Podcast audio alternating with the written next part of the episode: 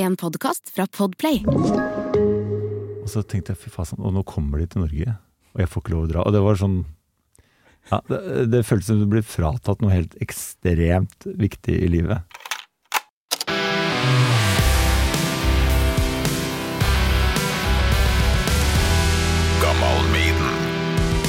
Kom på at jeg har glemt eh, snus sjøl. Du kan få av meg, hvis du liker sånn. Oi, Det er extra strong. jeg hadde Oi, extra strong. Nick and Johnny, men eh, ja. Det tror jeg jeg prøvde en, gang, en periode med chilismak. Ja, det er uten chili det her. Det er ikke chili. Første gang jeg tok det, tenkte jeg det er ganske sterkt. Men uh, nå syns jeg det er ganske digg. Ja, men det var akkurat det. Du får spytte ut hvis du syns det er krise. nei, jeg går på, går på extra strong sjøl, jeg. så- Ja, ok. Ja. Men du, er du klar til å sette i gang? Yes. Skal bare kjenne etter. Oi, den var litt svær, da. Jeg bruker sånn small, jeg. Ja, Så det- nå blir det vanskelig å snakke. med Torkil Thorsvik. Håvard Tjora, hjertelig velkommen til Gammal Maiden. Takk skal du ha. Vi må ta det fra starten, for jeg sto, jeg sto på Bruce Dickinson-showet på Sentrum Scene og ser nedover salen. Mm, er det noen potensielle Gammal Maiden-gjester her, da, mon tro? Og så så jeg et kjent fjes og måtte huke tak i det. Var det ja, skjer det ofte at eh, folk kommer og spør eh, hvor har jeg sett ansiktet ditt fra? Ja, det, Ja, det det. ja, det er ikke så uvanlig. Uh, og at folk eh, ser som i uh, Altså, uh, har vi møttes før, da? Ja. uh, og jeg har jo fått med åra litt vansker med å huske Folk sier enten at jeg er dårlig til å huske navn, eller dårlig til å huske ansikter. Og jeg er nå prestert å bli begge deler. Jeg er dårlig til å huske navn og ansikter. Oi! Så jeg syns det er fryktelig flaut med alle de jeg har møtt som jeg ikke kjenner igjen. Så jeg pleier å møte deres blikk på, sånn, på akkurat samme måte. Mm. Det har jeg sett før. Uh, mens ofte så har vi egentlig ikke det. Så da vi møttes, så var det jo som to gamle venner. det var veldig, veldig flott. Det var, føltes veldig Ja, men jeg er ikke blyg på sånt lenger. Jeg går bort til folk, og vi sto i baren ved sida av hverandre, og jeg Ja. sa Hvor har jeg sett deg før, eller noe i den uh, stil? Jeg har vært litt på TV, sa du. Og så demra det da med ja, Kompani Lauritzen, som jeg så i lag med ungene mine eh, en periode der du var med. Ja, det var det siste, vel. Ja. Ja, Mm. så det er det siste du har vært med på? Jeg har vært med på Jeg har vært på Huskestue også, etter det. Men, eh, men før det, det som var som min karrierestart med TV, det var Blanke ark, som Ja. kom i 2010 og 2011, tror jeg. Eller Ja. Mm. Du er, du er faktisk nå så sjelden som en lærer. En kjendislærer. Kan jo nesten Ja, kalle det det, altså. Ja. Det er jo helt vilt. Ja, Blanke ark, det var jo en nydelig serie på TV Norge som ble dritpopulær. Sånn, ja, det eh, var Det var, jeg tror det overraska oss alle litt. Det var det mest sette programmet på TV Norge så langt, den gangen. Så, øh, et program om læring. Men det er jo øh, Har jo skjønt det egentlig rett etter at TV-seriene gikk. For da begynte jeg å skrive i Dagbladet om øh, skoleoppvekst, og der skrev jeg i ti år. Og øh, det som ble veldig tydelig med en gang den serien begynte å gå, det er at det er innmari mange som har krasja i møte med skolen. mm. Som har syntes at det har vært eh, fryktelig vanskelig. Og eh, når du er barn og opplever liksom at det store prosjektet ditt, som alle forventer at du skal få til Du skal lære deg å lese, lære deg å regne, og du skal liksom få det til på skolen. Mm. Så er det ganske heftig når du ikke får det til. Ja. For det er liksom ditt ene prosjekt som barn. Dette er det vi forventer av deg. Mamma og pappa går på jobben og driver med alle tinga der. Du skal fikse skolen. Mm. Og så fikser du det ikke. Og så er det jo De er ikke som oss, da. Eh, De er ikke så erfarne på en måte. De vet ikke helt hva de skal gjøre med det. Og så er det jo mange som er litt sånn stuck i at eh, ja, de er overlatt til Det er dette systemet, og du har den læreren, du har den klassen. Mm. eh, Og hva gjør du med det? Og for veldig mange er det helt sånn, jeg har ikke peiling. Og så sitter de som bare stille i båten og, og har det ganske kjipt, da. Det her var ungdommer i litt sånn rett før videregående alder, eller? Fra- Ja, første blanke ark var eh, ungdomsskoleelever i niende, og andre runde var elever i, i videregående som ikke var der lenger, som hadde valgt å slutte. Jeg har lyst til å Jeg fant et klipp som jeg syns var veldig beskrivende. Så jeg kommer jo fra bygda, ikke sant. Det er mye bilmekking, snøscooter, moped og sånn. Masse folk som er jækla flinke på de tingene der, men kanskje ikke eh, så flink til å lese, da, sånn som han eh, ene du hadde eh, som elev her. Jeg har ikke like lesing siden jeg begynte på skolen. Jeg har lest ei bok i hele mitt liv, og det er instrumentalboka til snøscooteren min. Det er alt jeg har lest, liksom. Er det eneste boka du har lest? Ja, Det er eneste boka jeg har lest. Jeg har aldri lest uansett hva det var for noe. Jeg gidder ikke, jeg orker ikke, jeg kommer ikke til å begynne å lese heller. Det jeg vil vekk fra, er at du sier 'jeg skal ikke lese'. Du kan godt få si du syns det er kjedelig. Ja, ok. Grunnen til at jeg sier dette så tydelig, det er at jeg vet at det fins ikke det yrket der ute hvor ikke du må kunne lese. Nei, det vet jeg òg. Ikke sant? Og da kan du ikke si 'jeg vet at det er sånn, men jeg gidder ikke å ta tak i den biten som må på plass'. Jeg skal sitte og lese med deg, slik at jeg hører deg lese opp mot 20 minutter hver dag nå i starten. Så blir jeg kanskje lese i seks minutter, og så blir vi sitte og krangle de resten av de 20 Og når minuttene. jeg sitter bare klokka på pause, så krangler vi ferdig, og så leser vi 14 minutter etter det. Fra i morgen av. Ja, det var vanskelig å få entusiasme på lesing, og det skjønner jeg godt. Ja. Det er mange som uh, har det sånn. Aner du hvordan det går med han gutten her nå? Altså jeg tror Nå er det mange år siden jeg har hatt kontakt med dem, men det, de kom seg videre. mm. Uh, og så er det jo uh, Vi jobber jo mye med mer sånn lesetekniske ting som gjør at du får noen strategier når ting stopper opp. Mm. For det er jo ofte der problemet er, at du, du kan jo på en måte lese, men du har ingen strategi for ok, nå kom jeg til vanskelige ord, eller nå har jeg ikke helt skjønt hva jeg har lest. Det har jo erfart mange ganger sjøl. Det er på bånn av sida og tenker hva i all- jeg husker ingenting av det jeg har lest. Ja. Og da er det jo masse måter å jobbe på som gjør at dette her sklir lettere. Da. Mm. Mm. Jeg har opplevd det mange ganger sjøl. Ja, ja. Lest eh, fire-fem sider. Hva, hva har jeg lest nå? Ja. Så det er eh, Nei, vi jobba jo mye med og det er jo sånn som du hører på han, han, eh, han eh, Jeg høres jo streng og kjip ut eh, på mange måter, jeg, men eh, vi hadde jo snakka en del om dette før òg. Men det, det kommer liksom til et punkt at den beste strategien du har, er bare 'jeg gidder ikke'. Mm. Eh, Jeg gir opp, på et vis. Og det er så kjedelig og så teit, og jeg ser liksom ikke nytten. Men når de egentlig ser nytten av det, de skjønner at dette må jeg ha på plass, og det er et stort hinder i livet mitt, Mm. så er på en måte min jobb å, å skrelle vekk det der som er forsvarsmekanismen, sier jeg gidder ikke. Eh, og så må vi må gjøre det eneste vi kan for å rette på dette, og det er å begynne å lese. Da. Så det høres jo Jeg sitter og hører på nå liksom ti år etterpå, så kjenner jeg at det var ganske strengt. Da. Men det er jo Ja, men uh, han det er trengte kanskje han Ja, for det er på en måte den der eh, Hvis du skal fikse opp i noe, så må du jo begynne med det du kan fikse opp i. Mm. Uh, og da nytter det ikke å sitte på sida og si 'det gidder jeg ikke'. Da kommer du i hvert fall ingen vei. Men du har nå i hvert fall lest bøker, og du har skrevet bøker sjøl òg, Ja. som har blitt kjempepopulære. sånn Matematikkbøker, og, og hva, hva er det du driver på med nå, da? Bortsett fra noen turer innom Kompani Lauritz og, litt sånne ting innimellom. Nei, jeg jeg, har skrevet som sier, jeg har vært, vært med på og skrevet sjøl åtte bøker eller noe sånt. Og øh, den du snakker med, det er mattemagi.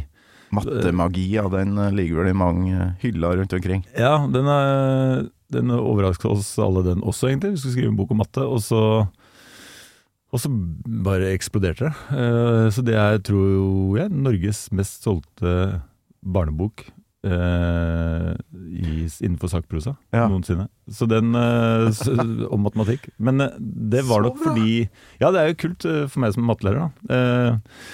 At det engasjerte litt. Og der prøvde jeg vel å si noe om det min gamle ungdomsskolelærer prøvde å si noe om. Det at matte er et språk. Mm. Det er mer enn bare regnestykker. For da er jo matte helt fjernt. Hvorfor skal jeg sitte med algebra, liksom? Det er- jo helt ko-ko. Men uh, vi bruker jo til noe. Ja. Så det er det den boka dreier seg om. Nå skal vi prøve å komme inn på hvorfor du var på An Evening with Bruce Dickinson. Da. Og jeg har jo ett fast eh, spørsmål her som du kanskje ikke vet om, ettersom du ikke har hørt på det her. Um, når Eller husker du, Håvard, første gangen du hørte Iron Maiden? Absolutt. Og du gjør det? Å ja. Det bare dukka opp noe med en gang? Dysj, eller har du Jeg har det veldig klart for meg. litt? Veldig. Altså, jeg er jo født i 1977. Eh, kassettspillerens tid. Yes. Og Året før meg, da. Ja. Ja. Eh, og da var det, da var det slik eh, Jeg vokste på en måte opp med foreldrene mine sin musikk. Det var radio. Mm. Og det mutter'n og fatter'n hørte på klassisk på søndag. Eh, og fatter'n hadde litt eh, jazz. Ja. Og jeg var litt sånn eh, Ble aldri helt sånn kjempefenga. Og så var jeg hos eh, noen tremenninger som var gode venner av oss. da Og de hørte på metal. Og spilte også gitar begge to. Altså sånn De kunne spille disse Metallica og Maiden-soloene, liksom. ja, Så jeg såpass, hørte det live på gutterommet. Og bare helt sånn Dette er Dette er noe av det mest fantastiske jeg har hørt i hele mitt liv. Og så, eh, og så var det jo alle i klassen. Det var jo Europe. Det var Michael Jackson. Det var en del sånn popting som jeg tenkte det er ikke helt Jeg er ikke helt her, liksom. The Ah. Final Countdown syns alle var stas. Jeg også syntes den var fengende, selvfølgelig, men Ja, det- det var ikke helt allikevel. Og så spilte de eh, Maiden for meg. Ja. Og da var jeg helt fjetra, rett og slett. Og jeg, hadde, jeg husker ikke hva det utlånet det var ganske lite. Og en kassett var ganske dyr for en fyr med lite utlån. Så jeg samla sammen de pengene jeg hadde, og så kjøpte jeg Seventh Son over Seventh Son. Og så hadde jeg, hadde jeg en liten sånn reisekassettspiller. Eh, og jeg hadde da Jeg hadde Bad av Michael Jackson. Jeg hadde Europe sin uh, The Fan Countdown. Og de ble bare sånn skjøvet vekk. Og fra da av gikk Seven Son over Seven Son på repeat hver eneste dag i flere år.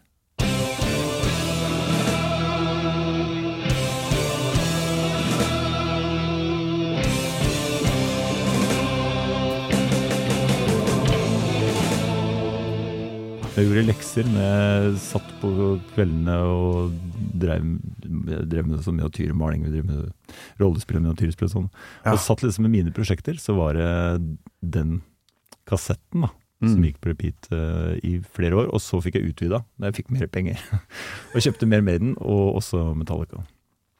Så det ble jeg veldig eh, Sånn som en del blir, da. Jeg vet ikke om det var, eh, var kanskje litt snevert, men jeg ble veldig tro mot de to bandene. Ja. Nei, nå fikk jeg lyst til å høre litt av Moonchild, da. For du skrev til meg på e-post at eh, Moonchild var et um, Det er ikke den låta du liksom velger til episoden, men uh, den har du et forhold til, så vi må høre litt på Var det i 1988-ish, det her? Så du Ja, var der. 11 år ish, du, da. Ja. Når du hører det her.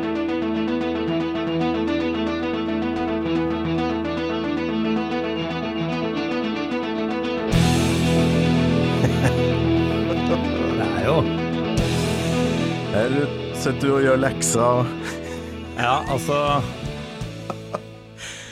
For en fantastisk Tenk deg altså når du åpner med noe sånt, og du har nesten aldri hørt heavyrock før. mm.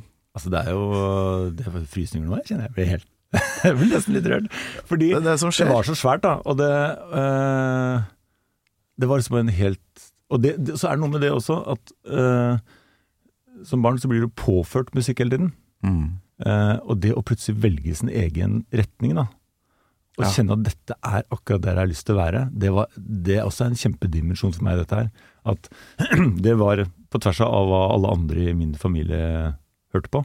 Ja, der var det finkultur, hørtes det ut som. Ja, de, Jazz og fatter'n var, ja, mutter'n og fatter'n var der, og brødrene mine var jo eldre. Da, og de var, og det, det kunne fint høre på det òg. Pink Floyd og Yes og Å ja. litt andre retninger, da. Men så var jeg den som da valgte heavyrocken. Og det var liksom Så det var en sånn identitetsting også. At Ja. det, det valget tok jeg helt på tvers av resten av familien. Mm. Eh, og var bare helt Syns det var helt fantastisk. Og det er ganske, når du hører lyden på dette, det er ganske svært, altså. ja, det er giga. Selv på en liten kassettspiller. Det er så viktig. Jeg ser det på ungene mine òg. Det er TikTok, og de får uh, veldig mye ufrivillig eksponering av Ja. musikk som de, som de blir hekta på, eller noe sånt. Så, I oppveksten Jeg husker jo Marcus og Martinus, ikke sant. Det gikk på repeat i barnehagen. Altså, det, barnehagen velger hvilken musikk mine unger skal høre på.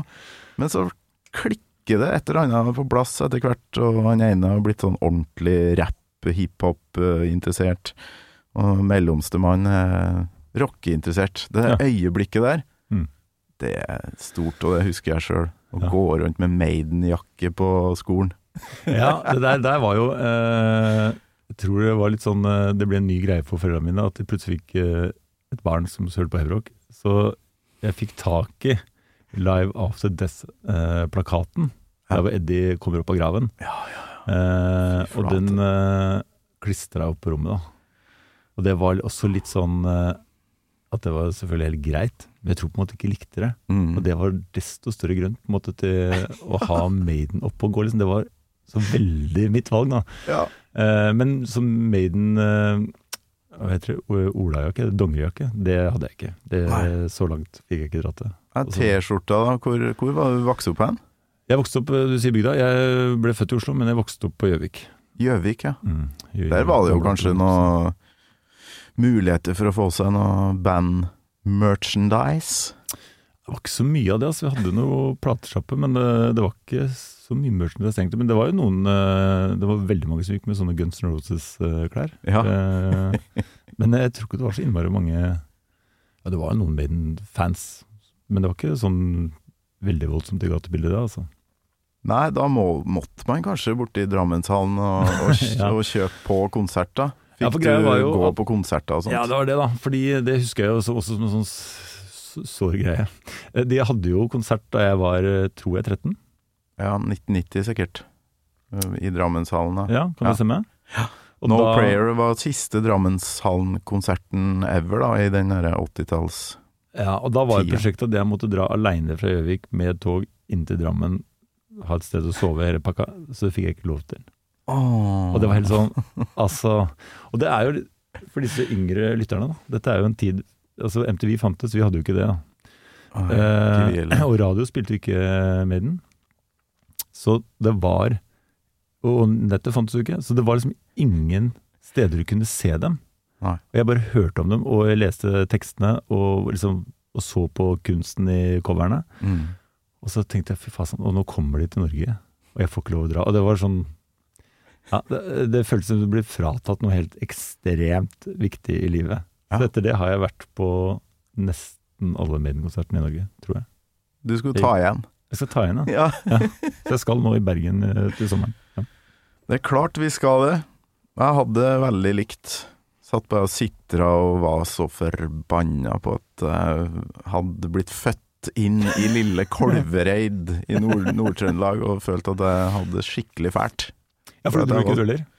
Nei, jeg var ikke i Oslo. Jeg satt ikke på et fly før jeg var 15, og da skulle jeg på landsfinale i svømming. Ja.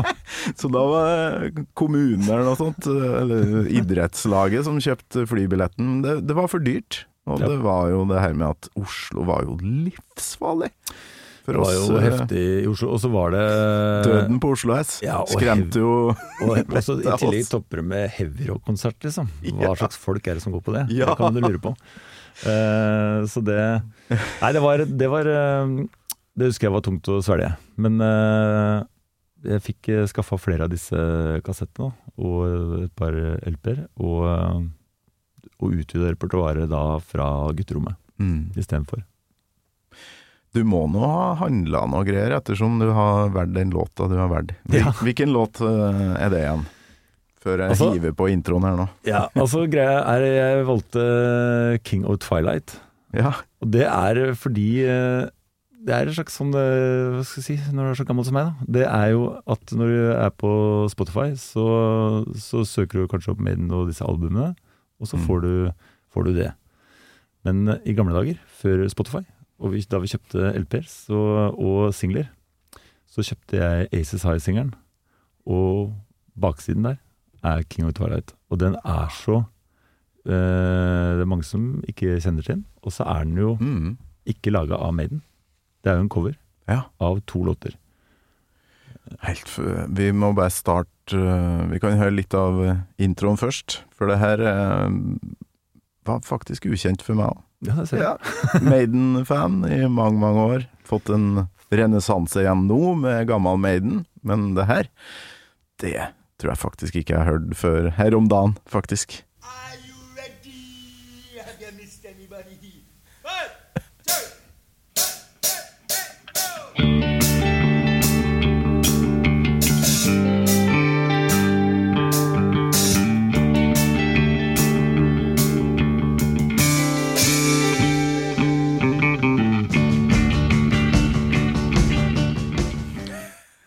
Der kom i øset. Helt rått! Ja, men Såkalt superlærer har jeg sett borti blitt skrevet om deg. Nå har du lært meg at det, at det finnes enda mer, og det B-sporene må jeg høre mer på. Ja, altså, det var jo, det var jo det var, eh, altså Singel er jo et litt rart prosjekt, på en måte, for du har kanskje albumene, så kjøper du singelen i tillegg. Eh, men det innebærer at man putta inn sånne små eh, drops. Eh, og det, jeg måtte eh, lese litt om det. Det er da Nektar som har laget King of Twilight, mm. som var et, øh, var et engelsk band etablert i Tyskland eller noe sånt. Ja, jeg leste det der. Ja. Etablert i Hamburg, men det var noen britiske folk med, i hvert fall, så kanskje Ja. en slags blanding.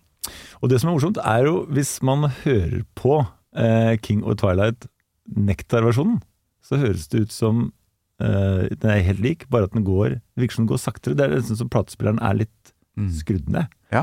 Eh, så du, du de- hvis du hører først Maiden, og så Nektar-versjonen, så høres det nesten litt feil ut. Men det er ganske stilig med Nektar òg. Ja, jeg har eh, så klart uh, plukka fram litt uh, King of Twilight av Nektar òg, men uh, for å sammenligne kan vi gjøre litt mer av introen fra Maiden, og så kan vi gå rett over i, i uh, Nektar sin versjon.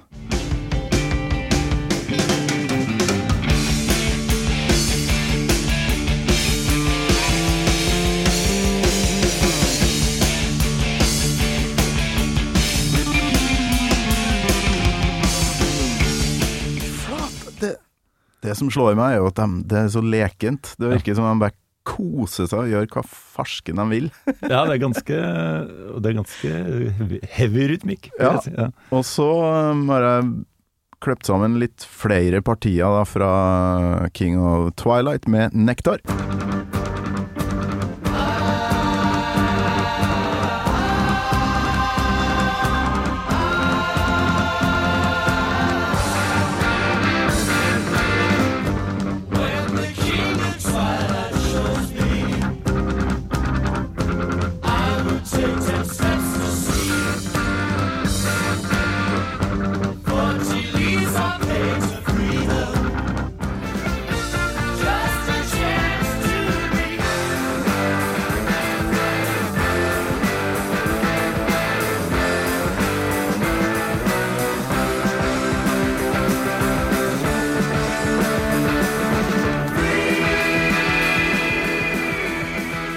Siste 20 sekundene her, da tenker jeg Det her må Steve Harris ha hørt jækla mye på.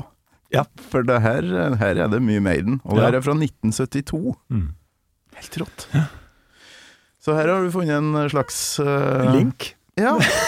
Da, ja, men det er jo Her er en stor inspirasjon, tydeligvis. Ja, men Det var jo eh, kult når vi hørte på Bruce Dickinson snakke om liksom de unge åra og veiene til at de møttes og hva som påvirka dem sånn. De, er, de kommer jo fra et sted, disse her også. Og Steve Mm. Harris var jo veldig Nektar-fan, har jeg skjønt. Eller i hvert fall hørt for mye på dem. Ja.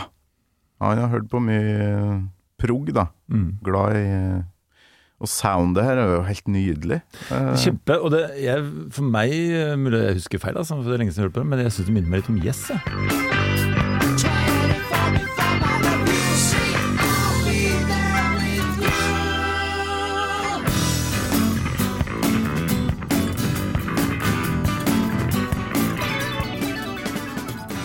Altså den derre mm. sounden i det, og Ja, det kan gjøre det. skifte underveis med Det går ganske brå overganger underveis her også. Ja, brå overganger, det har Maiden til gangs videre her. Hvis vi kanskje Ja, vi må jo høre hvordan Bruce eh, tolker vokalen her, da, for det ja, det er litt uvanlig å høre Bruce på denne uh, viset.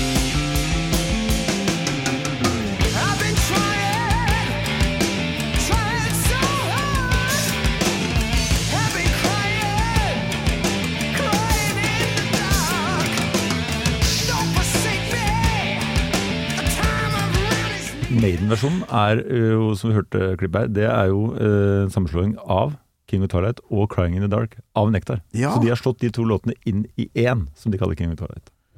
Skjønner. Så det er flere Men det er ganske mye av King of Twilight-låta som er Ja. Det er ikke veldig mye fra den andre Nektar-låta? Nei, dette, det han sang nå, er fra Crying in the Dark. Ja, låta. ok, det er det, ja. Ja.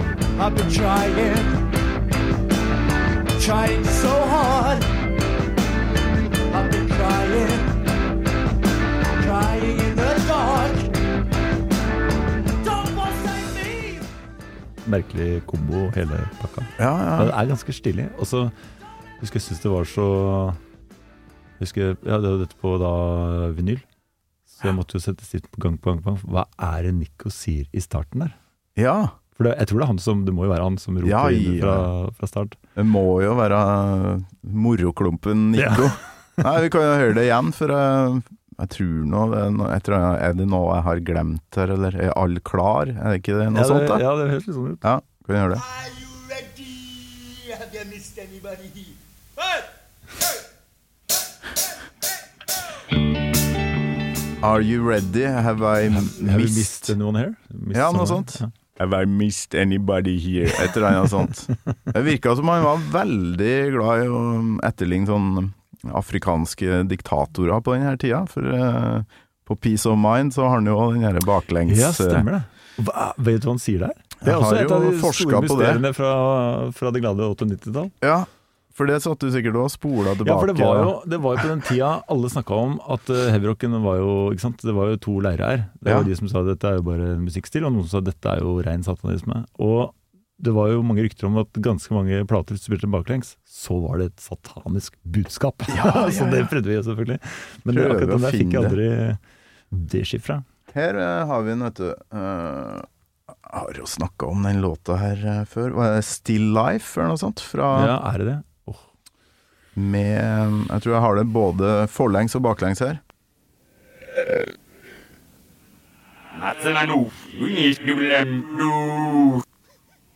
Nå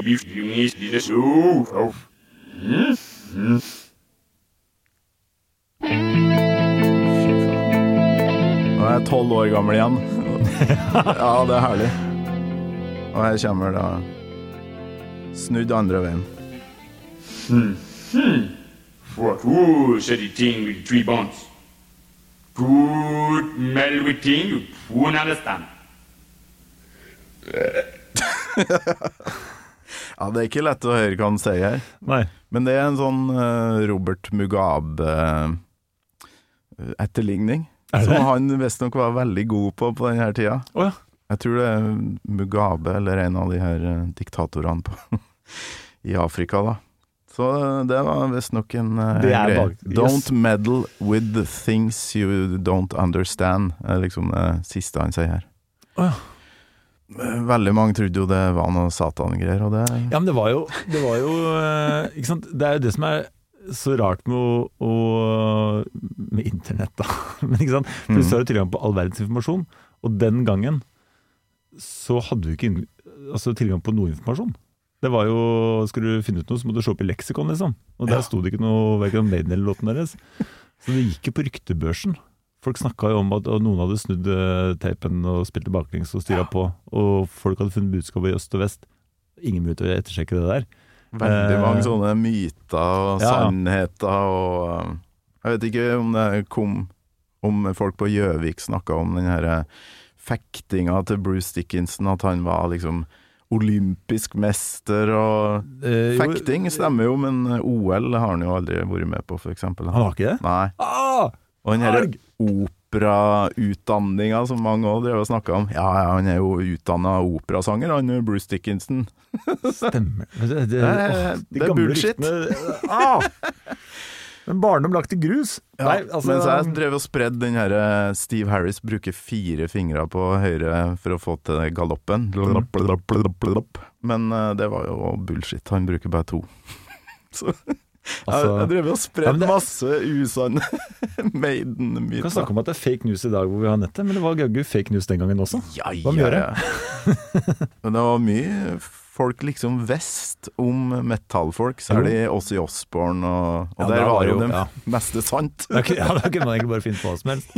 Stemte stort sett. Ja. Men eh, nei, det var jo eh, Det er jo noe med øh, å ha peil på noe, og det gir jo status. Og, og hvert fall i, i barne- og ungdomsverden. Mhm. eh, og den gangen hvor ingen kunne ettersjekke. Det løper løpsk, Ja, rett og slett. ja, ja. Legg på litt ekstra og skryt litt Og Ja, ja. Dette har jeg peiling på, liksom. Men eh, nei, Verdens beste bassist var vel òg en greie jeg drev og Ja, ja, han er kåra opptil flere ganger til verdens beste bassist. Og så, ja, ok, ja, greit. Trodde, jeg trodde det var Cliff Burton, ja, men uh, nei, var det ikke. Nei, det, nei, men det er festlig. Dette var jo, dette var jo veldig fint vi fikk oppklart. Eh, Mugabe, ja. Akkurat. Ja, det er noe Mugabe-greier. Men eh, hvorfor akkurat den eh, låta her, da? Det er ei B-side på en singel. Eh, er det noe du har liksom blitt fascinert av i voksen alder, eller digga du det her da du var mindre? Da? Altså, jeg, jeg har alle Ja, nå er jeg jo på Spotify, da. Men jeg hadde alle albumene, i hvert fall fram til Sevenson. Og siden den dukka opp eh, på Aces High, så følte jeg at jeg, at jeg hadde funnet en skatt. Ja. Og, og så var det ikke helt Maiden. Så i starten så var jeg litt sånn jeg vet ikke helt, det, det, ja, det var ikke som forventet, da. Nei, nei, nei. Eh, så det var liksom en låt jeg måtte jobbe litt med. Ja. Eh, og det var sånn å finne skatten. Eh, men er jeg så glad i den? Og så har den vokst på meg. Jeg har hørt den veldig mange ganger. Mm. Og, eh, og så syns jeg nå, som jeg har fått litt større musikkhorisont enn bare Maiden og Metallica, så, så syns jeg den er ganske stilig. Eh, og, de, og, som du sier, det, det er lekent og Så eh, det utgangspunktet var bare at det var eh, en skatt, og at jeg ikke helt visste hva jeg syntes om den skatten. Ja. Og nå syns jeg den er ganske tøff. Mm. ja, så pusha han eh, til å tenke mer, kanskje, og utforske mer, og Jeg har hatt tusenvis av sånne sjøl. Og det var en kompis som tok opp eh, Bruce Dickinson 'Tattooed Millionaire' på kassett til meg. Som bare 'Du må sjekke ut Bruce eh, solo, det er jo råbra'. Mm. Og så var det ei låt virkelig digga der, som bare 'Å, fy faen, Bruce solo, det må han jo gjøre mer av'. Og det var 'All The Young Dudes'. Ja. For han kom var jeg satt og venta på. Jeg tenkte, Er det All the Young Dudes? Det var All the Young Dudes. ja. Og så jeg likte jo Son of a Gun og, og noen av de andre låtene der, òg, men All The Young Dudes, fantastisk. Så tok det jo mange år før jeg skjønte at det var David Bowie og Motte Hoople som hadde en eller annen kul versjon òg. Mm. Men da måtte jeg høre mer på Bowie, da. Så Mm. nå er jeg jo gigafan av Bowie, ikke sant. Og så, ja. Det var... jeg husker også at Old Young Dudes skilte seg ut fra det albumet. ja. uh, er det Balls Nei, er det er ikke Balls Picasso? Nei, det var Tattooed Tattoo Millionaire. Ja, det sa du. Første. Ja. Sorry. Ja, nei, eh, men jeg også var litt sånn eh, rystet i grunnvollene, skjønte at det var Bowie, ja. Ja, Mm. det var litt sånn juks, da. Men, men det er jo det de gjorde på alle disse B-sidene. Veldig mye coverlåter. Mm. Og Cross-Eyed Mary av Jethro Tull var en sånn derre Må vel høre på Jethro Tull, da? Og, Ja. og så er jo det jo helt konge, da. Er fantastisk. Aqualong og Ja. Thick As A Brick. Fantastiske album. So you ride yourselves over the fields and you make all your animal deals and your wise men don't know how it feels to be thick as a brick. Jeg tenker Maiden-perioden av livet, eh, den pågår fortsatt. Jeg, synes, jeg tror den har lært meg masse, eh, fordi eh, de hadde disse coverne. Det var jo, eh, det var jo pratekopiering på 80-tallet, var jo to kassettspillere som man spilte av. Altså, Ja. ja, du tok opp. Men det funka ikke med Maiden, for da gikk du glipp av all den der albumarten. Ja. og ikke minst tekstene. Så jeg satt og leste de tekstene, og det, var jo, det er jo historieforelesninger, noe av det. Mm. Eh, og myter og sagn. Og det var, det var liksom helt sånn Wow, de har laget musikk av både historiske hendelser og gamle myter og sagn. Mm. Så jeg lærte masse av det. Eh, Flight of Icarus med, og liksom den fortellingen og Ja, ja, ja. Alexander Great er jo nesten som du tar et uh, Wikipedia-utklipp og bare synger det. det er liksom, så flytta han dit, og så ble han født der, og så var det altså, Det er blitt påpekt av en historiker jeg har hatt innom, Bård Frydenlund. Ganske tidlig episode. Han ble historiker pga. Iron Maiden. Han ble det? Ja! Oh. Lest så mye om uh, historie og ja, fra Maiden-låtene at uh, jeg oppdaga at det her er jo noe jeg faktisk bare må fortsette med, og så ble han det. Ja, og så- og sånn som eh, jeg husker første gang jeg leste og hørte på Rhyme of the Asian Mariner. Ja. Det også er jo en sånn der, Det er jo et eventyr, liksom. Du sitter og hører på et eventyr som varer er det 13 minutter, eller hva det er for noe. ja, med den dikt, eh, ganske lange dikt. Ja, og eh, knirking i skip og Ja, fantastisk. Ja. Det er jo et, et svensk band som heter Soundtrack Our Lives.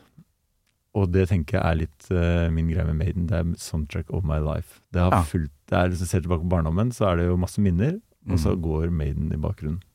Det er egentlig litt sånn forholdet mitt er til det.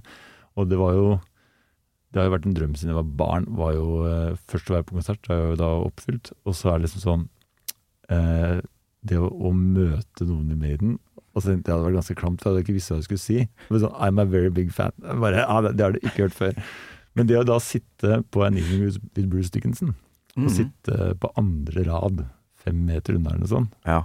da kjente jeg for første gang i mitt liv at det var litt sånn starstruck.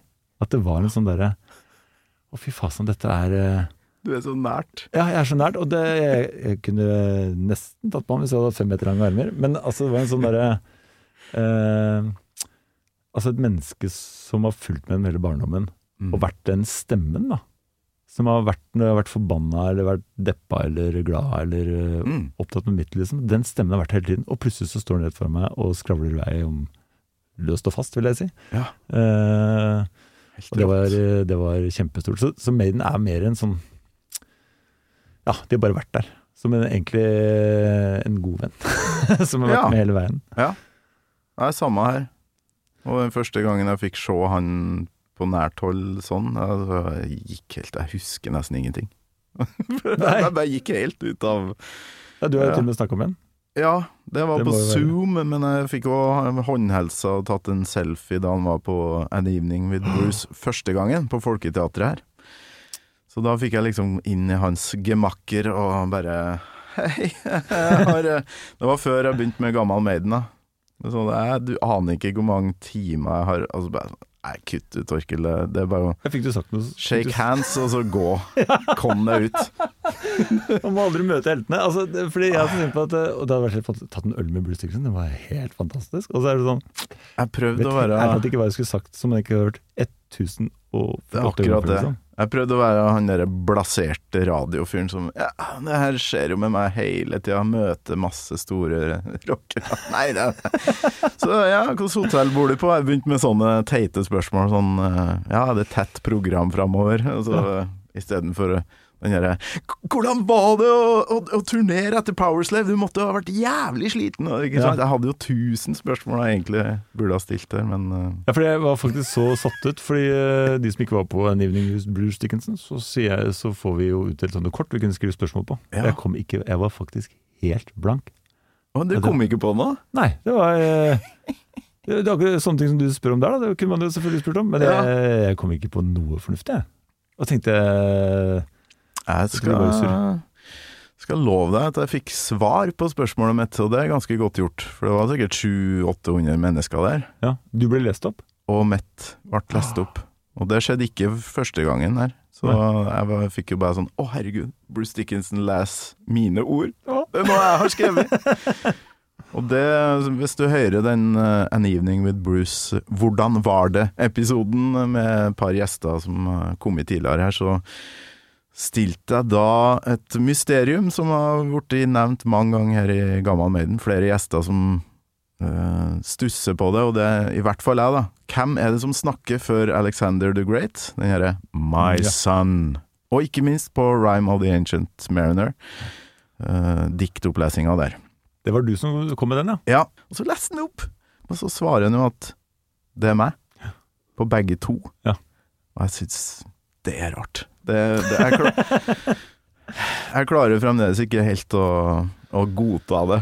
På rhyme kan jeg forstå at han kanskje hadde gjort til stemmen litt, med Ja, det Men Syns du Alexander Great er så annerledes? One by one. Altså, alle kan Alle kan være han gamle mannen i rhyme, men Alexander the Great Nei. jeg- Nei, det er mye går, klang. Jeg går ikke med på det.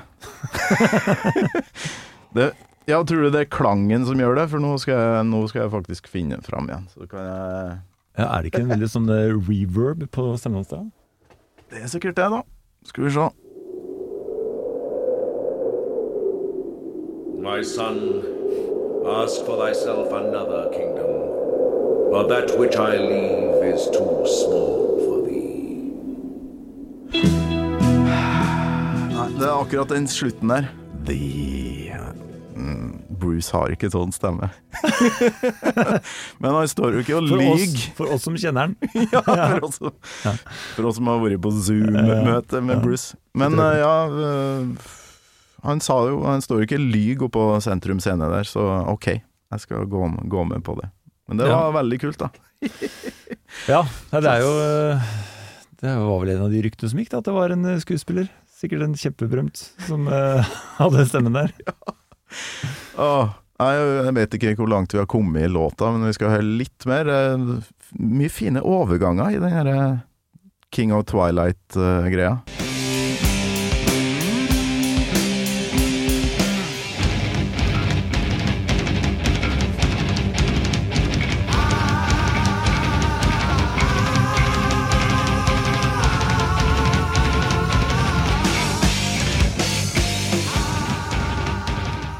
Tøft. Veldig litt Eller de har jo hatt låter som ligner.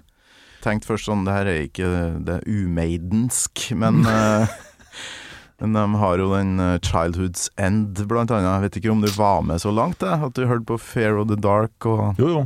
Ja. Men det er eh, ja Riktig. Ligner litt på rytmikken. Ja.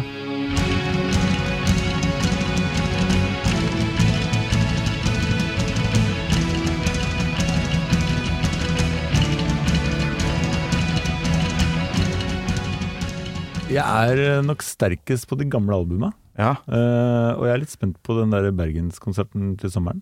Om, for da er det vel den siste, det siste albumet. Ja, de uh, har jo hinta om fem låter fra det siste, og fem fra Summer in Time. da. Oh, ja. Og Det har du jo sikkert et godt forhold til, vil jeg tro. Ja, ja. Hvis du digger Seven Son. Mm. Så da, og så blir det jo alle de andre s- gode selvfølgelighetene i tillegg, da, vil jeg tro. Sånn Trooper og Number of the Beast og Ja, de for det er jo, Den konserten blir litt sånn spesiell for meg, fordi eh, min yngste sønn Mm. uh, har begynt å høre på Maiden. Han er 11. Var han det? Ja, og han, hadde, han ønska seg en Maiden-T-skjorte til jul, tror jeg. Så var jeg så dårlig far at jeg ikke greide å skaffe det. Julaften kom litt brått på meg, så det greide jeg slett ikke. Men han skal nå være med på sin første konsert i sitt liv. Det er og det bedre, blir med Maiden i Bergen. bedre gave enn ei T-skjorte, for å si det sånn. Ja, det synes jeg. Og så får han jo gå i merchbua. Ja, da skal vi kjøpe. T-skjorte. Ja. Ja, jeg også kjøper jo alltid en T-skjorte når jeg er på konsert. Mm, eh, så Pappa det leverer Ja, da føler jeg at jeg har gjort det opp. Ja. Men, eh, men det er veldig eh, Det syns jeg faktisk er litt stort. Han kan få lov til å ikke høre på Maiden etter hvert. Og Ja, ja. i og for seg nå også, men, eh, men at han akkurat nå har en periode hvor han syns medien er eh, knalltøft, og også snakker om tekstene og sånn som eh, Mm. Nå er det jo lett tilgjengelig. Den gangen, jeg husker jo Det var jo fantastisk med LP. Da hadde du jo så stor tekst. Mm. Men på, kassetten, på kassetten så måtte du liksom sitte med det der lille coveret helt opp i trynet. Og Ja. da Lupe. Jeg hadde lupe. Ja, det var Så ja. yes. ja, så avansert var jeg ikke. Men det var Begynte jo i band, så jeg måtte lære meg tekstene. Og du, vi- du spilte Maiden? Ja, vi covra faktisk mest fra Fear of the Dark og No Prayer. Ja. altså utrolig herlig med en, eh, med en unge som hører på Maiden. Ja, da, da er det håp for den, for Ja, sånn. ja, ja, ja det, er håp. men det, det er jo kult når du er på Og det så du på Bruce Dickinson uh, Evening også, uh, at det er den der blandinga av folk og alder. Mm. Og det tenker jeg med et band som har levd så lenge, det er ganske kult å se. Alt fra ganske gamle folk Mm. til uh, folk på middags Altså det er der vi- der vi er, da. Altså, men ned til ganske unge. Ja. Og da tenkte jeg, så jeg har sett disse små med sånne headset som sitter på pappas skuldre og hører på menn, tenkte jeg fanken, det der. Det, Ja. ser, det ser vakkert ut, syns jeg. Så nå har jeg fått uh, ordna. Å, det må jeg jo få, få gjort, altså. Du minner meg på det nå. Han mellomste mann som har begynt å høre på rockemusikk, da. Jeg prøver jo i bilen av og til å få med han eh, hiphoperen òg. ok, Eh, for han er jo veldig sånn eh, Holdt på med basket og parkour og mye sånn Veldig sånn rastløs kar. Så bare Er du i stand til å sitte og høre ei 13 minutter lang låt, tror du? For nå skal du få høre noe av det vakreste som er laga, syns jeg, da. Så jeg sitter bare og rister, ikke sant, og hører Rhyme of the Ancient Mariner i 13 minutter. Men han klarte det, og sånn, ja, det var jo noe her. Men uh, han har ikke begynt å Jeg har ikke begynt å høre på nei. Det, men det, det er jo lov å håpe, da. men, han, men han går jo rundt og sjekker ut ting. Går jo ikke på biblioteket sånn som vi gjorde, men på internett og sjekker ut de her rapperne, historier til hiphop og sånne ting. Akkurat sånn som vi gjorde. Så da Mm. tenker jeg at da har musikken gjort jobben der òg. Ja, ja. Er det et triks, eller med, med ungdom som sliter, og så kanskje få dem inn på noe som de er interessert i, da? Ok, du liker ikke å lese bøker, men her har du ei bok om snøskutere, eller eh, her har du ei bok om bandet du elsker. Ja, og det er jo, vi voksne er jo øh, Vi påvirker jo disse oppvoksende slekt. Og som lærer, jeg har jo eh, Det var da Da Vinci-koden sto litt sterkt, og alle Ja. snakket om at det var så mye mystikk og fanteri, så hadde jeg som mattelærer et prosjekt med det. Hvor jeg introduserte Det skal være ganske over flere dager, men introduserte om uh, tallmystikk ved at øh, At vi starter øh, The Number of the Beast. Mm. Med den der eh, det, er, det er vel også Bruce Dickinson, vil jeg tro, da. Som, eh, hvor han leser fra Johannes' åpenbaring. Om Nei, det er ikke han som leser uh, Er det ikke det? Nei. Nei, Er det ikke det? Barry Clayton heter han. Let him who hath understanding reckon the number of the beast, for it is a human number. Its number is 666. Og da har vi brukt det som prosjekt for å finne ut hva er det han sikter til i 666. Ja. Hvor, er det det, hvor kommer det? Hvorfor dukker det tallet opp i Bibelen? Og så har vi brukt det som et prosjekt for å dykke i kjernen av tallet 666. Som en del av matteundervisningen. Så det har jo vært eh, Og da er interessert liksom, dette er Maiden, dere. Det må alle kjenne til. Det, er- det er finkultur nå. Nå som vi har kommet til 20 20-tallet, liksom. Og så eh, har jeg brukt det som utgangspunkt for å finne ut av dette tallet. Wow! Hvis det har skjedd på ungdomsskolen da jeg var på det nivået der da, hadde hjernen eksplodert. Ja, jeg tenkte ja, Det er jo sånn eh, Som barn så, så har jo alle disse drømmene om hvordan ting og tang eh, skulle vært. Og jeg syns f.eks. NRK, som var den eneste radiokanalen denne gangen, burde spilt Maiden. Det gjorde de ikke. Så jeg tok en slags hevn. Jeg var jo på sommer i P2 i jeg vet ikke, 2017 eller 2018 eller sånt. 2017 må det ha vært. Eh, og da, på P2, fikk jeg spilt Can I Play With Madness. Oi! Fordi jeg fikk bestemme musikken i en time. Og det, var, det føltes som sånn der, en slags personlig seier. Oh, At P2 yes! har spilt Maiden. Uh, det var jo utenkelig i min barndom. Min største rock'n'roll-opplevelse var da min eldgamle bærbar kassettspiller kortslutta og tok fyr under låta Can I Play With Madness. Can I play with madness? Så det, så det å få, få spilt Maiden der, og få brukt Maiden i uh, undervisningen, og få elevene kjempeengasjert, for det er jo en fantastisk tall, og ikke minst en fantastisk låt, å finne ut av tallet 666. Og litt sånn kultur rundt det. Ja, det, er, det er veldig mange Det finnes jo drøssevis av teorier rundt det, men uh, det som uh, ikke sant, 666 er jo brukt til å stemple veldig mange ting og folk opp gjennom historien. Mm. Uh, og i gamle dager så var det jo ganske kritisk. Hvis du fikk liksom djevelens tegn mynta på deg, så var det jo kjørt, da. Så det ble brukt bl.a. eh, mellom protestantene og katolikkene til å sverte hverandre. Mm. Eh, og det blir, hvis du slår sammen tallene i ruletten fra 1 til 36, så får du 666. Pengespill er jo ikke så bra. Ronald Reagan heter Ronald Wilson Reagan. Altså seks bokstaver hvert navn. Ok. Og det, og det var en greie. At eh, du kan ikke få verdens mektigste posisjon når du bærer djevelens tegn i navnet ditt. Og for å toppe dette her, så flytta han inn i Cloud Street.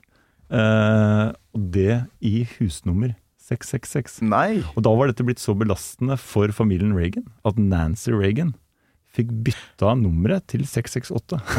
For det var, altså, det var så mange greier rundt Ronald Wilson Reagan 666. Jesus. Og da kunne du ikke samtidig flytte inn i boligen som bar tegnet. Men øh, den som jeg fester mest lit til, er at øh, i det hebraiske alfabetet, og i og for seg vårt eget òg, så er det koblet tall til bokstavene. Mm. A er lik 1, B er lik 2, for eksempel. Er en måte å gjøre det på. Og i det hebraiske alfabetet er det det samme. Mm. Og hvis du tar keiser Nero på hebraisk, så tror jeg det er noe sånn nevron quasar, et eller annet sånt. Ja. Hvis du tar de bokstavene og slår dem sammen, så får du 666. Og keiser Nero forfulgte jo de kristne, og drepte dem jo i en lav sko. Uh, og da er det Den teorien jeg syns gir mest mening, er at det er en hemmelig kode for uh, at det er ondskapen. Keiser Mm. Er eh, Det er rett og slett et skjult budskap om at han er en drittsekk, da. Og det står også at uh, du kan Jeg tror det står at du kan ikke kjøpe eller handle uten å benytte tegnet. Mm. Og det har vært brukt som en sånn greie om at kapitalisme er en stor synd. Men myntene på den tiden hadde bilde av Nero. Aha. Ah, yes. Er det, er det en velkjent teori, eller? Nei, altså, jeg, Hvordan i alle dager kom du fram til Nei, det? det er jo da med Google og kilder og øst og vest, da. Men jeg ble Det er jo noe jeg lurte veldig på som barn. Jeg Ja, hørte The Number Beast, og så skjønte jeg at eh, 666 er liksom wow. Det er jo som eh, Det er, det er ondskapen sjøl, og det skulle man Fy søren, liksom. Altså, Omen-filmene, Ja, så du dem, eller? Nei, jeg jeg hadde jo begrensa tilgang på Men det, jeg fikk jo med meg noe av disse skrekkgreiene, og det var liksom 66 var nifs, liksom. Og så var det jo voksen alder, og, og elevene ble så veldig engasjert, og de snakket om uh, all mystikken og alle disse Og er det sånn det er? Og så står du som lærer da, og tenker at shit, ja, det må vi finne litt av, da. Og så tenkte jeg vet du hva, vi tar det som matteprosjekt. Det er jo et tall. Vi må jo finne ut av det. så vi regna jo øst og vest da for å finne 666. Oi, oi, oi. Vet du hva, det skal vel en inn her og lage en, en annen podkast om ikke så altfor lenge. Har du det travelt, eller? Nei. Nei? Nei, du har hele dagen, du. Men Nei, ikke hele dagen, men uh... Ja, for nå, det her tok jo virkelig vending. Eh, Hvorfor, uh, hvorfor ikke snakke mer om The Number of the Beast, da? Men uh, nei, det der var utrolig kult. Jeg satt jo timevis og sjekka de tingene der sjøl. Før internett, da. Før internett. Derfor tok det mange timer. Biblioteket var ikke så veldig godt uh, arkivert heller, så det var ganske vanskelig. Men uh, jeg kom aldri fram til noe Keiser Nero-oppskrift. Men uh, sånn Hitler, Ja, navnet det. Hitler Ja. og um, Det er hvis- hebraiske Nei, det er ikke hebraisk. Det er, Eller sånn tall... Det er tallmystikk der òg. Hvis A er Nå tror jeg A er 101, B er 102, C er 103 osv. Okay. Eller at A er 100, det husker jeg ikke. Det er enten A at A er 100 eller 101. Hvis du følger det systemet, Mm. og bare vokser i alfabetet, så, og du slår sammen Hitler, så får du 666. Det var sikkert det jeg satt og gjorde da, vet du, med, med kalkulatoren. Og når du trykker på 'er lik', og det tallet kommer opp, så får du jo sånn ja, der frysninger på ryggen. Og, Ja. ah, det er noe stort der, et eller annet. Oi, oi, oi, en svær sammenheng. Og så viser det seg jo at eh, sånn tallmagikere og mystikere klarer jo å finne en sammenheng uansett. Ja da. det, jeg så en, et eksempel hvor det, sant, Napoleon var jo en stor helt for uh, franskmennene, men han var jo ikke så godt likt av de han erobret. Og Mm. hvis du skriver 'Le Empereur Napoleon', så får du også 666. Ja, okay. Så greia er at du skriver som Håvard Tjora Lurendreier, så kan du godt ende opp med 666 Det. Så det er ikke så vanskelig å svarte folk. Men, Hvilket ord er du legger til for å få, få det til å gå opp, ja. ja. men, Ja, eh, men akkurat Keiser Nero er jo eh, Det slår rett ut, da. Ja. King of Twilight um, Vi må høre litt mer på den, og så må vi faktisk avslutte. uh, men vi kan jo lage en ny episode om ikke så altfor lenge, vi, når vi får lyst. Skal vi se.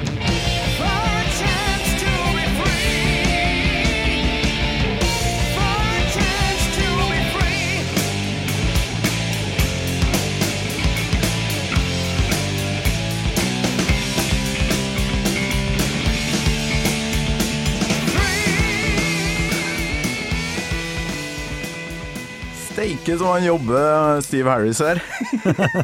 Jeg syns Bruce Dickinson også jobber i registrene. Ja, ja, ja. ja. Fantastisk. Eh, jeg bare bare da, da, da. Det har jeg jo hørt i veldig mange andre låter. Mm. Kanskje ikke Maiden, men uh, elsker det partiet der. Mm. Drittøft. Og så kan vi høre uh, Maiden si avslutning og Nektar si avslutning for dem. Uh, Det er litt artig.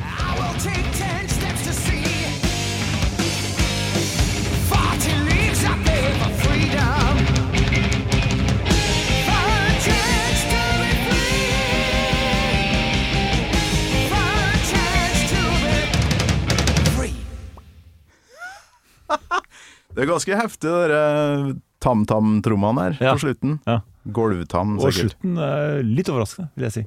Ja. Free. Helt ferdig. Og det er jo basert på øh, fasit, da, for det, Nektar sin versjon er ganske lik, men ikke lik likevel.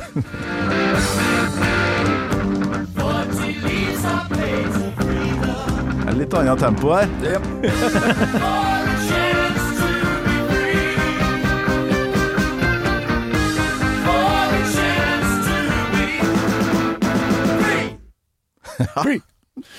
Drittøft. Ja, det, det er som rart, når du hører det sånn rett etter hverandre, så høres det, det høres det virkelig ut som platespilleren går litt for sakte. Mm. Når du Det er hører sånn direkte så, «Åh, åh», Du må, du må jazze opp tempoet litt. Fordi du har hørt Maiden-versjonen så mange ganger, da. Ja. Du satt liksom og kjørte den på repeat, da. Back in the days. Men uh, helt til slutt, uh, Håvard. Uh, mener jeg leser at du holder på med noe sånn dataspill òg. Er det noe du gjør fremdeles, eller? Ja. Sånn dataspill for læring av matte og sånt?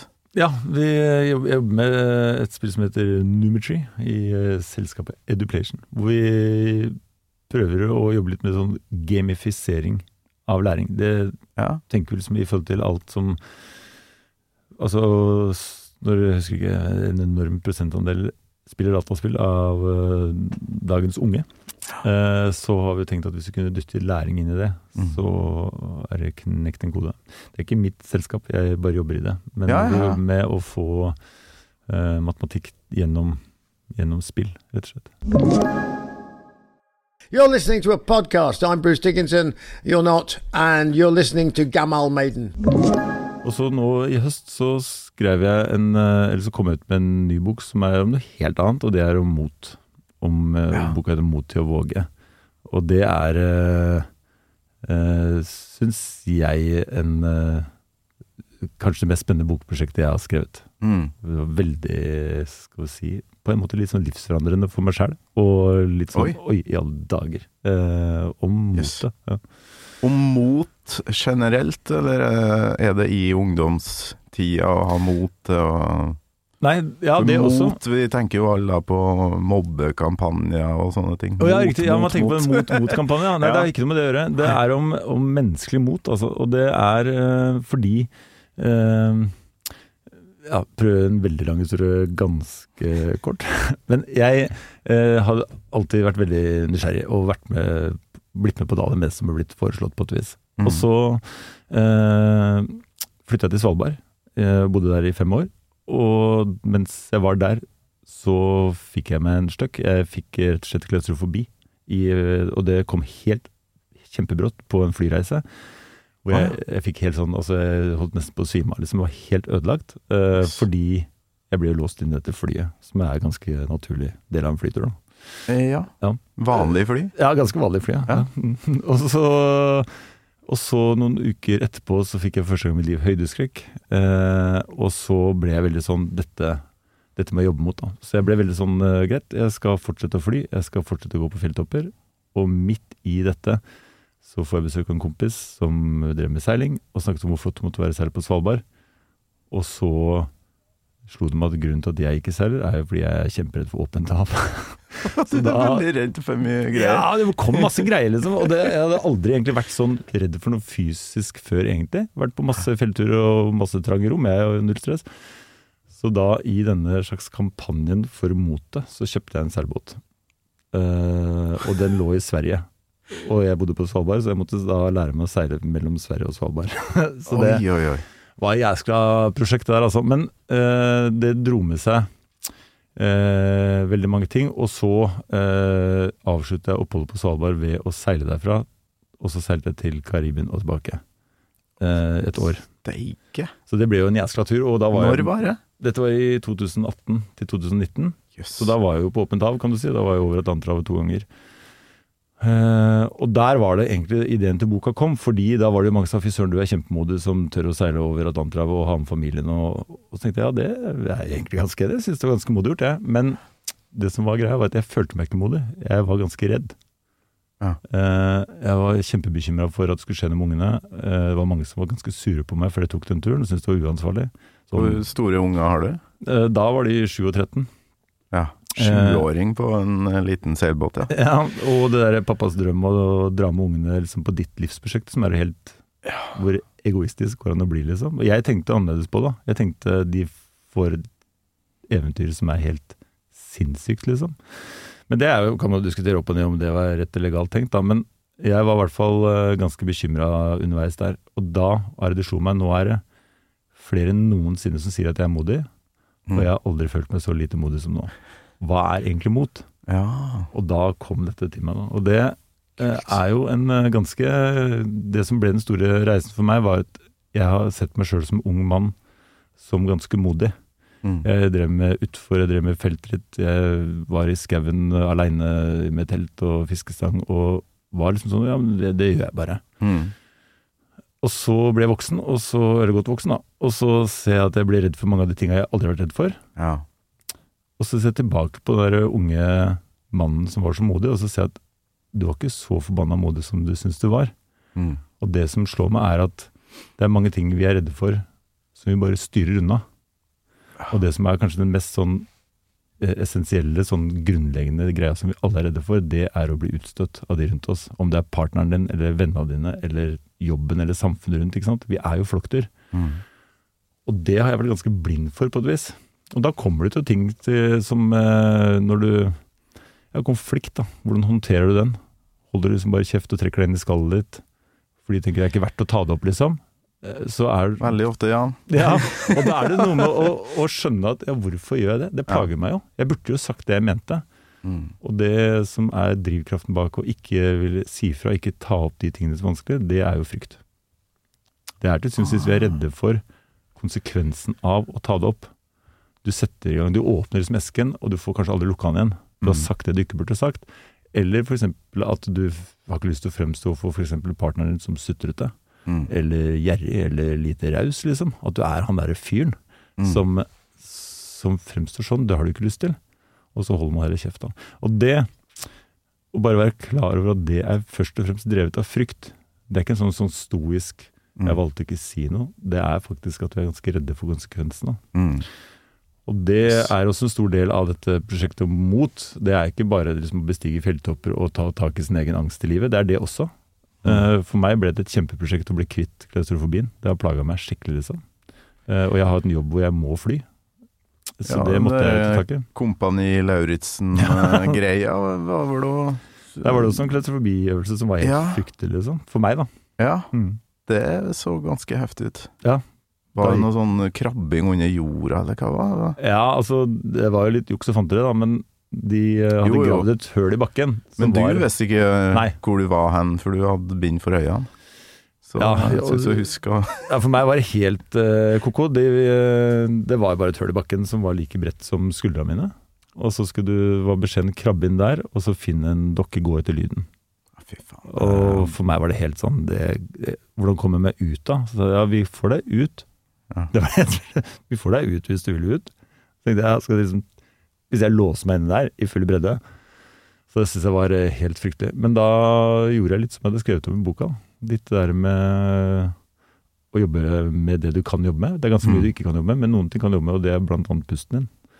Pusten, ja. Ja, Prøve å få kontroll på den, så du ikke går helt sånn ut av kontroll og hyperventilerer. Mm. Og så var det, lærte jeg faktisk av en psykolog at det som eh, vi ofte gjør, da Jeg vet ikke om det er spesielt for menn, men i hvert fall jeg vet mange menn som sier det samme. Det er at når du blir redd for ting du egentlig ikke burde være redd for, så er det mange som gjør som jeg gjorde. Du blir litt sånn sur på deg sjøl. Mm. Er det mulig at du Ja, voksne mann ligger her og piper pga. et hull i bakken, liksom? Og det var en psykolog inne på, det må du ikke gjøre. Det er ikke noe vits å bli sint på seg sjøl. Mm. Og så spurte han hva ville du gjort hvis det var eh, barnet ditt på tre år som var redd for å gå inn i et mørkt rom.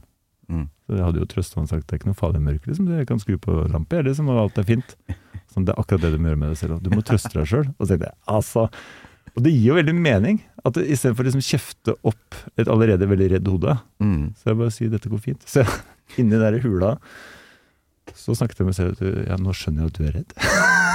Du gjorde det, ja. Ja, men, uh, Det var løsninga. men dette er helt trygt, liksom. Ja. Og vi skal bare komme gjennom dette her. Og så fikk jeg samla litt uh, mot og kom gjennom.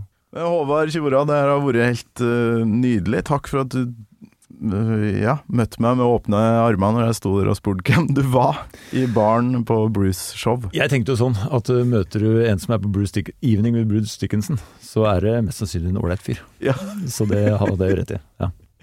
Var mye ålreite folk i rommet der eh, den kvelden. Ja. Og veldig overraska over liksom hvor lite sånn derre Maiden, langhåra Maiden-fans med Maiden-jakke som var der. Det var mye sånn Det var jo en blanding av alt. Ja. Ja. det var Bare et tverrsnitt av den norske befolkninga i det rommet der. Og, det, og jeg fikk med meg en av dem hit, så tusen takk for besøket, Håvard. Kjempehyggelig. Veldig gøy å få være med. Gammal Maiden med Torkel Thorsvik, en podkast fra Radio Rock. Da Håvard Tjora skal hoppe i fallskjerm under det han beskriver som en orkan, så går det galt. Se på dette.